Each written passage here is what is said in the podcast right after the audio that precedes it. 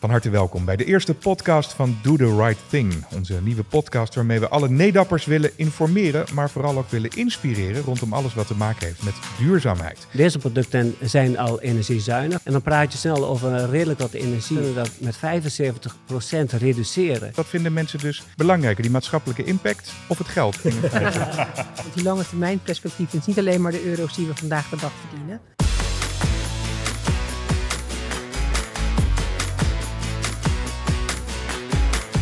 Mijn naam is Victor, ik ben de host van deze podcast. En bij mij aan tafel, of eigenlijk liever gezegd op de bank, zitten Roxy, Geert, Danielle en Arnold. Welkom allemaal. Ik begin even bij jou, Geert, ehm, want jouw functie fascineert mij een beetje. Wat doet een Product Owner Security Management nou de hele dag? Nou, ik ben inderdaad Product Owner van onze lockeroplossing binnen EOS uh, bij Security Management. En ik zorg ervoor dat we onze producten uh, zo goed mogelijk in de markt kunnen zetten. Dus ik, ik haal feedback bij onze eindklanten, bij onze uh, partners. En koppel dat weer terug bij onze ontwikkelaars. Om op die manier het beste product te krijgen. Je bent eigenlijk een oliemannetje. Lijkt er een beetje ja. op spinnen het web, noem ja. ik het wel eens. Uh, Arnold, jij bent uh, uh, van het innovatieteam Livestock Management samen met Roxy. Ja. dat heeft met koeien te maken volgens mij. Zeker. Ja. ja. Vertel eens, wat doen jullie zo al de hele dag? Nou, het innovatieteam binnen Livestock Management heeft als doel om te zorgen dat wij ook als Nederland Livestock Management over een aantal jaren ook nog steeds relevant zijn voor, de, voor onze eindklanten, de melkveehouders.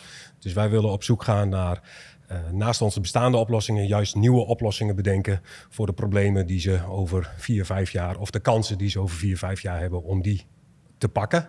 En daar zijn we constant naar op zoek. Hoe kunnen we zo goed mogelijk inspelen op de behoeften over een wat langere periode. En Roxy, die ideeën doe je die op hier achter je bureau in Groenlo, uh, ergens in een stal of misschien onder de douche morgens. Wanneer kom je op die innovatieve plannen? Nou, in ieder geval niet hier achter het bureau, of in ieder geval niet alleen hier achter het bureau ik denk dat het voor ons heel belangrijk is dat we eigenlijk goed beeld vormen van wat er nu speelt. Dat we ook eigenlijk kijken waar, waar gaat de wereld naartoe, wat voor trends spelen er en hoe kunnen we erop anticiperen. Dat we eigenlijk ook, nou, wat Arnold net ook aanhaalt, in de toekomst ook relevant zijn. Uh, en dat doe je eigenlijk door gewoon goed om je heen te kijken, eigenlijk met partners te spreken, maar ook heel erg in te leven in de behoeften in de markt. En dan niet alleen van vandaag, maar ook van morgen maakt ook ons werk eigenlijk heel erg leuk. Dus dat we eigenlijk heel veel met de externe blik kijken. Uh, ik denk dat we heel goed zijn in hier gave technische dingen creëren. Um, maar ik ben zelf heel erg overtuigd dat de waarde juist zit in die combinatie. Dus dat je goed een match weet te maken tussen behoeften extern uh, en, en, mogelijkheden uh, die we natuurlijk veel intern kunnen, kunnen, kunnen bouwen. Een van die dingen die jullie dan hebben bedacht, daar gaan we het straks uitgebreid over hebben. Maar eerst wil ik even naar Danielle. Jij bent CFO. Uh, mag ik dat vertalen als financieel directeur of doe ik je dan tekort? nou, letterlijk vertaling heb je gelijk. Maar uh, ik vul de rol veel breder in dan alleen maar dat, absoluut. Uh, waarbij inderdaad duurzaamheid, heb je vast al gehoord. Een heel daar schijnt er een podcast over gemaakt te worden. ja, ja. ja, daar schuif ik dan graag bij aan. Want uh, dat ligt dicht bij mijn hart. En los daarvan denk ik ook dat het heel belangrijk is voor de waarde van de onderneming. Dat we vanuit duurzame gedachten ondernemen. Ja, soms is het niet altijd even duidelijk wat nou impact is. Hoe kun je duurzaamheid nou uitdrukken? Nou, een van de manieren om daar naar te kijken is uh, bijvoorbeeld sociaal rendement, zowel voor mens als dier. Uh, Roxy, we hadden het er net al even over. Jullie verzinnen hele interessante, vernieuwende dingen, uh, projecten die de maatschappelijke impact van duurzaamheid ook illustreren. Dat klinkt heel gewichtig, maar het is vast ook heel praktisch. Kan je eens noemen een voorbeeld hoe dat dan werkt? Ja, dat klinkt zeker ingewikkeld met deze intro. Ik denk onze zienswijze is wellicht wat eenvoudiger. Um, we zijn natuurlijk al heel lang bezig met het creëren van relevante oplossingen voor veehouders. Uh, maar wat we eigenlijk de laatste jaren zien, is dat wij um, ook heel erg met diergezondheid bezig zijn. En dat is eigenlijk een van de projecten waar we, wat, wat wij gaaf vonden om daarover te vertellen. Um, dat gaat eigenlijk heel erg over het monitoren van diergezondheid. En ik kan misschien leuk als Arnold daar nog wat, uh, wat meer over kan vertellen over. Het lijkt heel vaak alsof het een tegenstelling is. Dus of diergezondheid, of bedrijfsefficiëntie of productie verhogen. Uh, in sommige gevallen uh, schuurt dat misschien ook, maar in heel veel gevallen is dat ook niet zo. En dat zien we heel erg in dit project, waar we merken dat we eigenlijk dierwelzijn proberen te verbeteren. En Arnold, waar heb je het dan over als je het hebt over dierwelzijn? Noem eens, noem eens iets concreets. Ja, nou het concrete voorbeeld van dit project is uh, koeien die uh, lopen soms kreupel. Net als wij ook wel eens hinkelen met ons been als we een ontsteking aan onze voet hebben. Koeien hebben dat ook. Die hebben aan de klauwen wel eens een probleem en dan lopen ze kreupel, een kreupelheid. En dat is een welzijnsprobleem, want die koe heeft pijn. Het is ook een heel zichtbaar probleem, want iedereen, ook iemand die niks van melkkoeien weet en die rijdt met de auto langs de weg en die ziet daar een koe met een hele kromme rug, heel mager staan te hinkelen. Dat zie je gelijk. Dus het, is ook een hele, het straalt heel slecht af op de, op de sector. En ik kan me voorstellen, een koe die kreupel is, is niet happy, dus die geeft misschien ook meer nou, melk. Precies, dus dat is de, de grap daarna, is dat die koeien, die uh, leveren voor de boer ook gewoon minder op. Die uh, houden het minder lang vol. Uh, dus er zijn allerlei redenen voor die boer om minder kreupelheid te willen. Ja, dit wil je gewoon niet. Nee, nee. nee. En van de andere kant, het lukt ons niet om het eruit te krijgen. En dat komt gedeeltelijk omdat we het heel moeilijk kunnen zien welke koeien het nu betreft. De hele zware gevallen ziet iedereen, maar de lichte gevallen, en die worden vanzelf zwaar als je niet vroeg genoeg ingrijpt, die zien mensen niet heel goed. Nou, en dat is dan de grap als wij dus die behoefte gezien hebben van hey, mensen willen er wel mee aan de gang. Ten eerste voor een boer omdat het gewoon direct ook uh, financieel rendement op kan leveren. Maar daarnaast ook, juist vanuit welzijn, ook heel uh, gunstig kan zijn. Maar wat hebben jullie dan bedacht? Hoe heb je dit opgelost? Nou ja, we, nou, uh, we zijn bezig met de oplossing. Maar de oplossing is door met een camera waar de koeien onderdoor lopen. En dan de camera te leren hoe, ziet, hoe loopt een kreupele koe, hoe loopt een gezonde koe. En dan kan de camera, elke dag komen de koeien twee à drie keer langs die camera. Maar Roxy, hoe leer je dit aan een camera? Ja, daar kom je eigenlijk weer in een interessant domein waar, denk ik, technische kennis, datgene waar we eigenlijk bij NEDAP heel goed in zijn, heel mooi samenkomt met dat herkennen van een extern probleem. Nou, ik denk dat Arnold beschrijft dat dit is een, een, het is niet een probleem waarvan we de markt of veehouders moeten overtuigen dat ze dit probleem hebben. Het is, het Als ze er gisteren van af konden zijn, zouden ze dat ook doen. Zeker. Nou, dat sowieso, maar het is met name iets wat eigenlijk al heel lang speelt. Dus de, de, zoals wij het noemen, uh, het probleem is heel erg bekend. En het is ook heel makkelijk om het probleem te kwantificeren. Het is alleen heel moeilijk op te lossen. Of althans op een efficiënte manier. En dat is eigenlijk waar uh, nieuwe technologie, of in ieder geval uh, technologie eigenlijk aan bod komt. Dat we daar nou, best wel enorme vooruitgangen de laatste jaren hebben gezien. Die wij nu eigenlijk weten te gebruiken om iets eigenlijk dat wat een mens, wat een boer zelfstandig kan, gewoon visueel door het beoordelen. Er zit heel veel vakmanschap in. Dat is, dat iets wat sowieso erg onder druk staat nu. Uh, dat vangen we eigenlijk in technologie. Dus dat we iets wat voorheen um, nog beschikbaar was door nou, generaties die opgeleid worden, die heel veel verstand van zaken hebben. Um, nou, goed, de boerderijen worden groter. Je ziet dat er, het steeds lastiger is om personeel te vinden en te boeien uh, voor de sector. Dus je merkt dat er enorme behoefte is om te zorgen dat eigenlijk daar op een goede manier aandacht blijft voor die dieren. Ja, dus en, voor de boeren is dit fijn, want het scheelt hun werk en, en geld. Voor de koeien is het fijn, want als het goed is, hebben ze minder klachten, minder pijn, zijn ze blijer. Uh, maar kan je dit dan ook, uh, Arnold, kan je dit dan ook onder het kopje duurzaam scharen? Want daar gaat deze podcast natuurlijk wel over. Is dit nou iets wat duurzaam is of is het gewoon slim?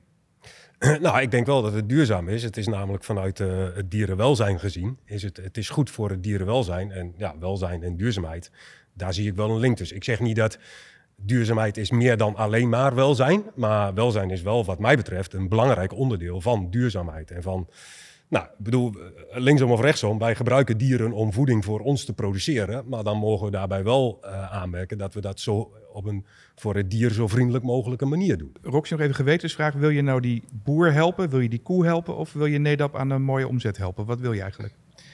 Nee, ik veronderstelt haast dat ik daarin moet kiezen. Ik geloof dat het allemaal uh, samen gaat. Wat, ik, wat me net ook opviel in je vorige vraag is, ja. doe je het dan voor de boer of voor het dier? Ik, ik wil het eigenlijk wel omdraaien. Ik denk dat het primair gericht is op het dier. En, en dat is ook weer die tegenstelling dat het is niet zo, zeker niet in deze case, dat we moeten kiezen of het goed doen voor het dier, wat dan ten koste gaat van de efficiëntie. Het is juist een heel mooi voorbeeld waar die boer er ook bij gebaat is, dat dat dier in optimale conditie uh, uh, blijft. En dat is iets wat we eigenlijk met veel van onze oplossingen zien. Dus ik vind het heel belangrijk dat er al die stakeholders, waar, nou voor ons is dat heel normaal, maar die koe is natuurlijk een belangrijke stakeholder. Als wij daarop richten, dat we daar eigenlijk dat welstandsniveau en uh, dat we die goed in de gaten kunnen houden, dan heeft dat niet alleen voor dier, niet alleen voor de boer, heeft dat heel veel waarde. Maar uiteindelijk, als we het over duurzaamheid hebben, het is voor ons heel erg belangrijk, voor onze positie naar de toekomst toe. Um, dus ook gewoon voor voor hoe wij uh, producten creëren, hoe wij de waarde van producten laden. Dat gaat tegenwoordig veel verder dan alleen economisch voordeel. Nou, en dat is precies waar ik het over wil hebben. Want in het ideale geval zijn investeringen in duurzaamheid natuurlijk, hè, zoals bij jullie, een win-win situatie. Ja, je draagt bij aan een betere wereld, maar je wordt er financieel ook beter van. Meerwaarde dus uitgedrukt gewoon in geld in keiharde knaken, zal ik maar even zeggen. Uh, Geert, daar kun jij ons wat meer over vertellen. Jij bent bezig geweest met een uh, project, je had het net al over lokkers en daar, daar komt dit ook samen, hè? Ja, dat klopt. Dat klopt helemaal. Uh, het was eigenlijk zo, het is vorig jaar maart was er een dag georganiseerd. Het ging over sustainability bij de DRU in Ulft. En daar was ik ook uitgenodigd, maar dan in een rol van fotograaf. En dat mag ik daarnaast ook af en toe uh, doen. Als je foto's maakt, kun je ondanks dat kun je ook wel luisteren. En er kwamen allerlei verhalen uh, uh, over de bühne. En toen dacht ik van, daar kan ik zelf ook wel wat mee. Ik kan meteen eigenlijk wel beginnen. En zo is eigenlijk het idee ontstaan om meteen iets te maken... zodat we gelijk het lokkensysteem in rust um, in een low-energy mode kunnen zetten. Dus daar hebben we vorig jaar ingezet en is dit jaar gereleased. Wacht even hoor, want je, eh, dit is jouw vakgebied. Jij weet natuurlijk alles van. Maar een, een lockersysteem en een low energy mode. Een lockersysteem, dat is als ik naar het zwembad ga, ik wil mijn kleren ergens instoppen of ik ga ergens werken uh, waar ik mijn tas veilig neer moet zetten, stop ik dat erin.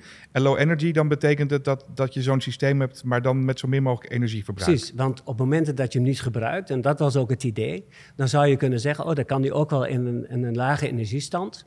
Um, Verbruiken die dingen zoveel energie dan, zo'n lokkersysteem? Nou, het is niet zo heel veel, maar het gaat om grote aantallen. Kijk, er zijn klanten die hebben misschien wel 6.000 of 8.000 van die vakjes. En dan praat je snel over redelijk wat energie. En we kunnen dat met 75% reduceren. Nou, dat dus is met die prijzen van tegenwoordig ook nog wel interessant. Nou, dan kun je dus op dat moment zo ongeveer omgerekend 20 uh, eh, wasmachines draaien. En dat is toch wel een redelijke impact als je dat bekijkt, dat je dat in één nacht kunt besparen bij dat soort aantallen. Waarom heeft dan niemand dat eerder bedacht? Dat is precies, en zo ga je ook denken. En dat vind ik ook het volgende: van is dit dan, dit is een, ik vind het maar een opstapje. Ik vind dat we dat vaak en of alle producten moeten doen, omdat ik als productonder kijk van waar kunnen we het beter doen. Is dit ook een van de nieuwe facetten waarvan ik denk, daar kunnen we nog, uh, hebben we nog een hele slag uh, te gaan. Ik wist niet dat je geïnspireerd was door vorig jaar. Dus dat vind ik al uh, iets wat ik wil uit, wat ik echt super gaaf vind. Dat is precies wat we willen met Do the Right Thing. We hebben natuurlijk wel plannen als NEDAP, we hebben ideeën, we hebben ambities. Maar het belangrijkste is dat we als NEDAP'ers nadenken over wat is dan de right thing en hoe kan ik daaraan bijdragen. Dus ik vind het heel gaaf dat je dit hebt opgepakt, Geert. En dan wilde ik nog aan aanvullen dat we hebben vorig jaar een analyse gedaan over de CO2-impact van onze producten in hun hele levenscyclus. En dan zie je inderdaad dat de helft van de totale impact, die overigens aanzienlijk is, zit hem in de gebruiksfase van onze producten. Dus het is heel relevant als we oplossingen kunnen bedenken, zoals jij dat hebt gedaan voor het lokkensysteem. Wat bedoel je met gebruiksfase? Gewoon echt het praktische moment dat iets aanstaat. Ja, dus ja. Eh, terwijl ik had eerlijk gezegd verwacht dat er in materiaalgebruik of de productie of de logistiek, dat daar veel meer CO2 uh, footprint uitkomt. Die is er ook wel. Maar het grootste gedeelte zit in de gebruiksfase, omdat we natuurlijk met elektronica werken. Gewoon de dagelijkse dingen. Ja, precies. Dus op het moment dat je dat kan reduceren door slimme oplossingen, de klant heeft er niet eens last van. Sterker nog, die heeft er baat bij. Want die uh, kost minder geld. Ja, en Geert, ik zie jou echt. Je zit hier te glimmen op die bank. Uh, dat is denk ik niet alleen omdat uh, Danielle enthousiast is over jouw werkzaamheden, maar ook omdat je er zelf volgens mij heel blij mee bent. Ja, dat, dat ben ik ook. En ik vind ook eigenlijk dat je. Ik, ik, kijk altijd zo. Thuis doe je dat ook. Je hebt een wasmachine en als je een nieuwe nodig hebt, waar kijk je naar? Je kijkt naar het energielabel. Wat heeft die fabrikant heeft zich echt de stinkende best gedaan om uh, de energieverbruik en, en, alles daar wat ermee te maken heeft te verlagen? En uh, jij als consument hebt er de voordelen van. En ik vind dat wij, wij zijn hier ook fabrikant. Dus moeten wij met onze producten daarmee bezig zijn, zonder onze klanten daarmee te lastig te vallen. En hun ja, is het zo? Want als ik een wasmachine koop, dan denk ik, ja, ze hebben eigenlijk allemaal label A. Maar ja, dan zegt die verkoper, ja, die ene is toch nog net iets zuiniger dan die ander, want die heeft meer vermogen, bla bla bla. Dan denk ik, ja, ik moet het maar aannemen. Is dat bij jullie klanten ook zo, dat ze dan zich niet zeggen, joh Geert, hoe zit dat dan? Of denk je, nou, laat maar zitten, ik zeg gewoon, het is goed. Ik, Kijk, dat is het volgende. Hoe maak je dat nou kenbaar? Ik zei het al, 75% Je zou kunnen denken aan dat je een portaal maakt met bijvoorbeeld daarop... deze producten zijn al energiezuinig en halen dat en dat rendement.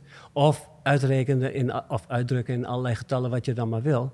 Maar je moet het wel zichtbaar maken, zodat de klant ook kan zien wat hij krijgt. En vindt jouw klant dan het belangrijk dat, dat hij gewoon lekker eh, heel veel energiekosten bespaart? Of vindt hij ook dat duurzame element belangrijk? Nou, ik denk dat het wel beide is. Kijk, je, het gaat om de portemonnee, maar het gaat ook om als wij zo denken.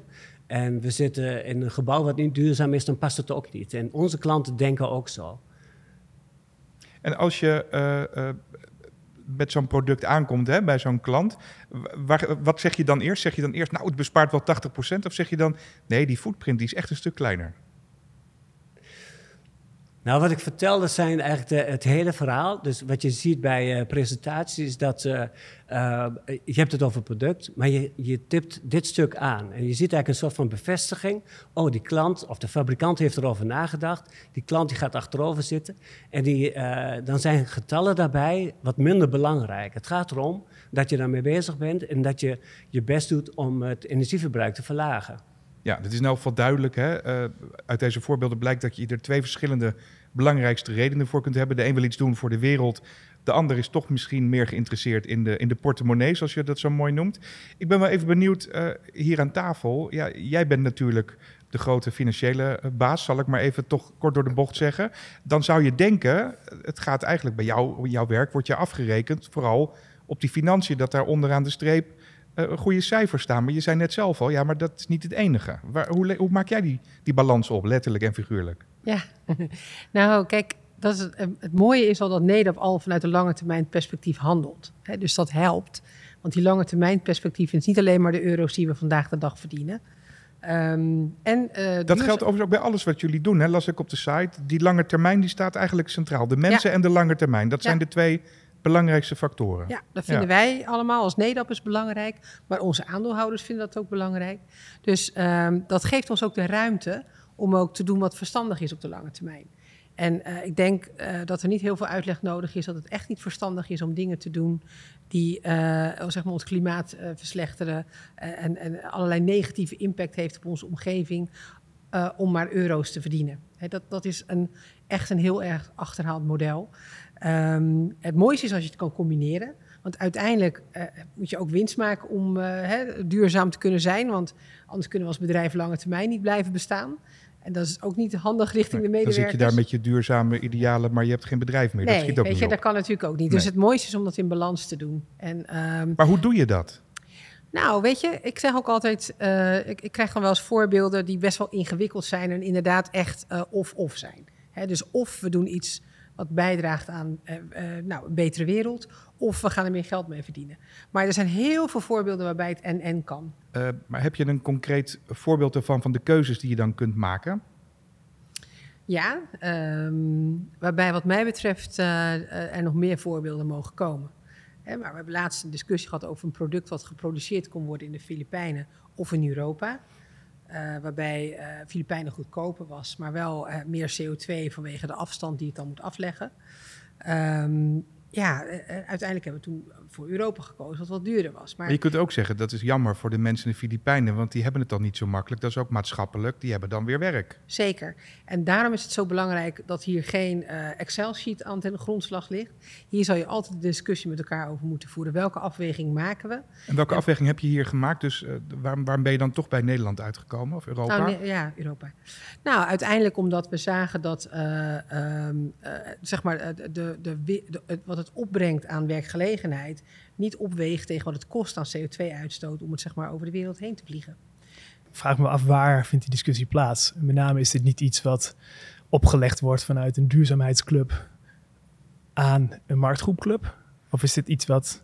Ik wil met name weten waar wordt die afweging gemaakt? Is dat zeg maar twee onderdelen van het bedrijf? Of is dit echt iets wat. Of, nou, hoe, hoe zie je dat? Dat is juist waar Do the Right Thing over gaat. Dat we Nederlanders inspireren om met voorstellen te komen die uiteindelijk een duurzaamheids, duurzamer zijn, wellicht geld kosten, maar daar hebben we dan met elkaar de discussie over. En um, we willen juist mensen prikkelen om met ideeën te komen. En maar zeg je eigenlijk, Roxy, dat gebeurt nu niet genoeg? Of moet op een andere manier? Nee, wat, eigenlijk wat ik, wat ik belangrijk vind is die, we hebben het steeds over eh, dat we, dat we goede discussies voeren. En daar, daar ben ik ook heel erg trots op. Maar ik vind het veel waardevoller dat we een goede discussie voeren in een productteam of in een projectteam, waar al dit soort uh, facetten eigenlijk aan bod komen. En daarom vroeg ik net van, is het iets van, oh, we moeten dit, uh, dit wordt ergens geïnitieerd en daar, daar moeten mensen dan mee omgaan? Of is dit iets waar we eigenlijk gewoon in onze cultuur opnemen. Dat dit gewoon niet een soort van afterthought is van, oh ja, dat gaan we dan eventjes zo promoten. Maar dat het iets is waar we daadwerkelijk waarde in zien. Het is geen aflaat, maar iets wat we gewoon echt serieus doen bij alles wat we belangrijk vinden. Nou, sowieso zie ik het wel. En dat is ook iets wat ik vind dat we erg. Uh, Danielle, dit vraagt om een reactie. ja, daar kan ik het alleen maar mee eens zijn. Hè? En het is altijd al intrinsiek uh, onderdeel van NEDAP de cultuur geweest. Het denken in lange termijn. Ik denk alleen dat we nog meer stappen kunnen maken als we explicieter zijn in wat we willen bereiken. We hebben een beetje rondgevraagd. We hebben een polletje gedaan hier binnen NEDAP. En mensen gevraagd, wat weegt voor jou nou zwaarder in jouw duurzame keuzes? De win-win situatie, hè, waarbij je keuze gegarandeerd financieel gewin oplevert... of de maatschappelijke impact, die misschien wel ten koste gaat van dat financiële uh, gewin. Wat vinden mensen dus belangrijker, die maatschappelijke impact of het geld? Wat denk je dat er uitgekomen is? Ik denk dat de maatschappelijke impact groter wordt gezien. Um, Um, Hoeveel procent denk je? Je bent een vrouw van getallen. Ik denk 70 procent. 60 procent. Ja. Ik ook 60. 51. 51. um, ja, Danielle, heb jij stiekem op mijn papiertje gekeken? Zeker niet. Nee, dat was 70 procent. Ik zou onmiddellijk een staatslot gaan halen als ik jou was. Je hebt helemaal goed gegokt. Nee, maar ik, uh, ook omdat ik dat wel voel in de organisatie. En dat komt omdat we als Nederland ook in de gelukkige positie zijn... dat we ons eh, geen zorgen hoeven te maken. In ieder geval hè, over het geld op de korte termijn. Um, waardoor dat minder leeft vandaag de dag. Maar ik moet natuurlijk wel zorgen dat die twee in balans blijven, ook voor de lange termijn. Ja. Zijn jullie tevreden met die 70%? Dat is veel hoger dan jij had gedacht, eh, Roxy. Ja, tevreden. Ik denk meer dat ik er naar kijk. Ik, ik, ik, ik denk dat het heel erg afhankelijk is van wie je vraagt. En je ziet wel dat de soort ja, thema's waar ook onze doelgroep mee bezig is, dat verschilt heel erg afhankelijk van in welke fase ze zitten. En ik denk dat dit een thema is wat uh, heel erg in gebieden speelt waar welvaart op een bepaald niveau is. Ik moet het trouwens nog wel even nuanceren, want de meeste mensen geven wel aan dat ze eigenlijk het, het geen keuze vinden, uh, dat ze hopen dat het allebei geldt. Ja, ja precies. Ja. En, en daarover gesproken, ik wil nog even aan jou, Danielle. Uh, want het is dus echt wel een onderwerp wat veel losmaakt hè, bij mensen. Misschien goed om even af te sluiten met hoe Nedap er nou tegenaan kijkt. Je hebt er al het een en ander over gezegd. Uh, wat jullie vragen de Nedappers het, het goede te doen, het do the right thing. Uh, maar dan moet je daar ook de middelen voor hebben. Uh, je zei net al, ja, wij zitten wat ruimer in ons jasje. Maar hoe doe je dat dan? Op het moment dat je wat explicieter bent in je doelen, kan je wat mij betreft nog meer bereiken als bedrijf. En daar, dat zijn de stappen die we de afgelopen jaar hebben gemaakt. Veel explicieter in waar willen we nou echt nog meer het verschil gaan maken dan eigenlijk wat we al doen. Ja, dus dat gaat al goed. Maar ik, ik ken je nog niet zo lang. Maar jij lijkt me niet de type om op je lauren te rusten. Je hebt veel meer ambities dan waar je nu bent. Ja, nee, maar daar begint het mee. En ik moet je zeggen, dat, dat kost ook tijd. Hè? Daarom vond ik het zo leuk om jouw verhaal ook te horen. We hebben vorig jaar heel mooi gelanceerd een, een dashboard van waar zit nou de CO2-impact van onze producten. En vervolgens gaan we aan de slag. Hoe kunnen we dat reduceren? En Nedap is een bedrijf waar ik, wat, uh, waar ik ook heel erg achter sta. Dat moeten we vanuit de mensen doen, vanuit de medewerkers. Ik kan wel gaan zeggen, we gaan dit doen of we gaan dat doen. Maar het is je gaat dat niet van bovenaf opleggen. Nee, het is veel krachtiger als die ideeën van onderaf komen. Er zijn mensen die dicht bij de producten, dicht bij de markten staan. Die hebben veel duidelijker beeld van wat uh, het verschil kan gaan maken. En voor mij... Dat is misschien wel anders dan bij de meeste andere bedrijven. Zeker. Want daar zitten ze in een boardroom en zeggen ze... nou, jullie gaan, we gaan linksaf, zo gaan we doen, we gaan rechts. Ja, ja. En wij proberen wel de kaders te geven en ook te zeggen van... nou, dit is de richting waar we hebben. Want we hebben ook best wel lang discussie gehad. Is het, als je de lifecycle doet van producten, dan hebben we zoveel verschillende impact. Je hebt CO2, circulariteit, maar ook uh, biodiversiteit. Heel veel verschillende soorten van impact. Als je daar te lang in blijft, dan kom je helemaal niet vooruit. Dus uiteindelijk hebben we gezegd, nou, we, beginnen, we focussen ons eerst op CO2 en het reduceren van de CO2. En dat begint dus bij de mensen zelf. Precies. Uh, ze zitten erbij, ja. maar toch ervaren jullie dat ook zo? Ik wil het toch even checken. Ja, ik ervaar dat wel zo, maar wat ik daar zelf eigenlijk altijd naartoe wil voegen, ik denk ook met die analyses, als we kijken naar wat doen wij zelf, wat kunnen we hier in dit pand doen. Ja, dat is belangrijk, uh, maar het woord impact is eerder al gevallen. Ik denk, ik ben heel blij dat die discussie echt vrij snel gaat over waar kunnen we vanuit onze positie dan de meeste impact hebben. En dan redeneren we al heel snel, naar in ieder geval vanuit ons perspectief in de agrarische sector. Dan heb ik veel liever dat wij onze aandacht vestigen op datgene wat wij voor onze klanten in de wereld voor, voor positieve impact kunnen hebben. Dan, dan dat we hier letten op, uh, op, op de koffiekopjes. Of, Nou, eh, dat, Ja, dat is een hele interessante ja. discussie. En het is goed dat je dat zegt, want daar gaan we het namelijk over hebben in de volgende aflevering van. Do the Right Thing. Mooie brug. Ja, dus dank allemaal dat jullie hier waren. Dank ook aan de luisteraars. Ja, volgende keer gaat het dus over duurzame dilemma's. Want ja, dat is natuurlijk de hamvraag. Ja, ham is misschien niet het hele goede voorbeeld. Het is niet zo duurzaam. Maar wat is nou precies the right thing to do? Nou, alvast een klein voorproefje. Ervoor werd gekozen om de, een vliegtuig te pakken, terwijl een trein een perfect alternatief was geweest. De hele kopjesproblematiek is best, best ingewikkeld. Kopjes gate. Ja, Juist. dat dus in aflevering 2 van Do the Right Thing. Graag tot dan.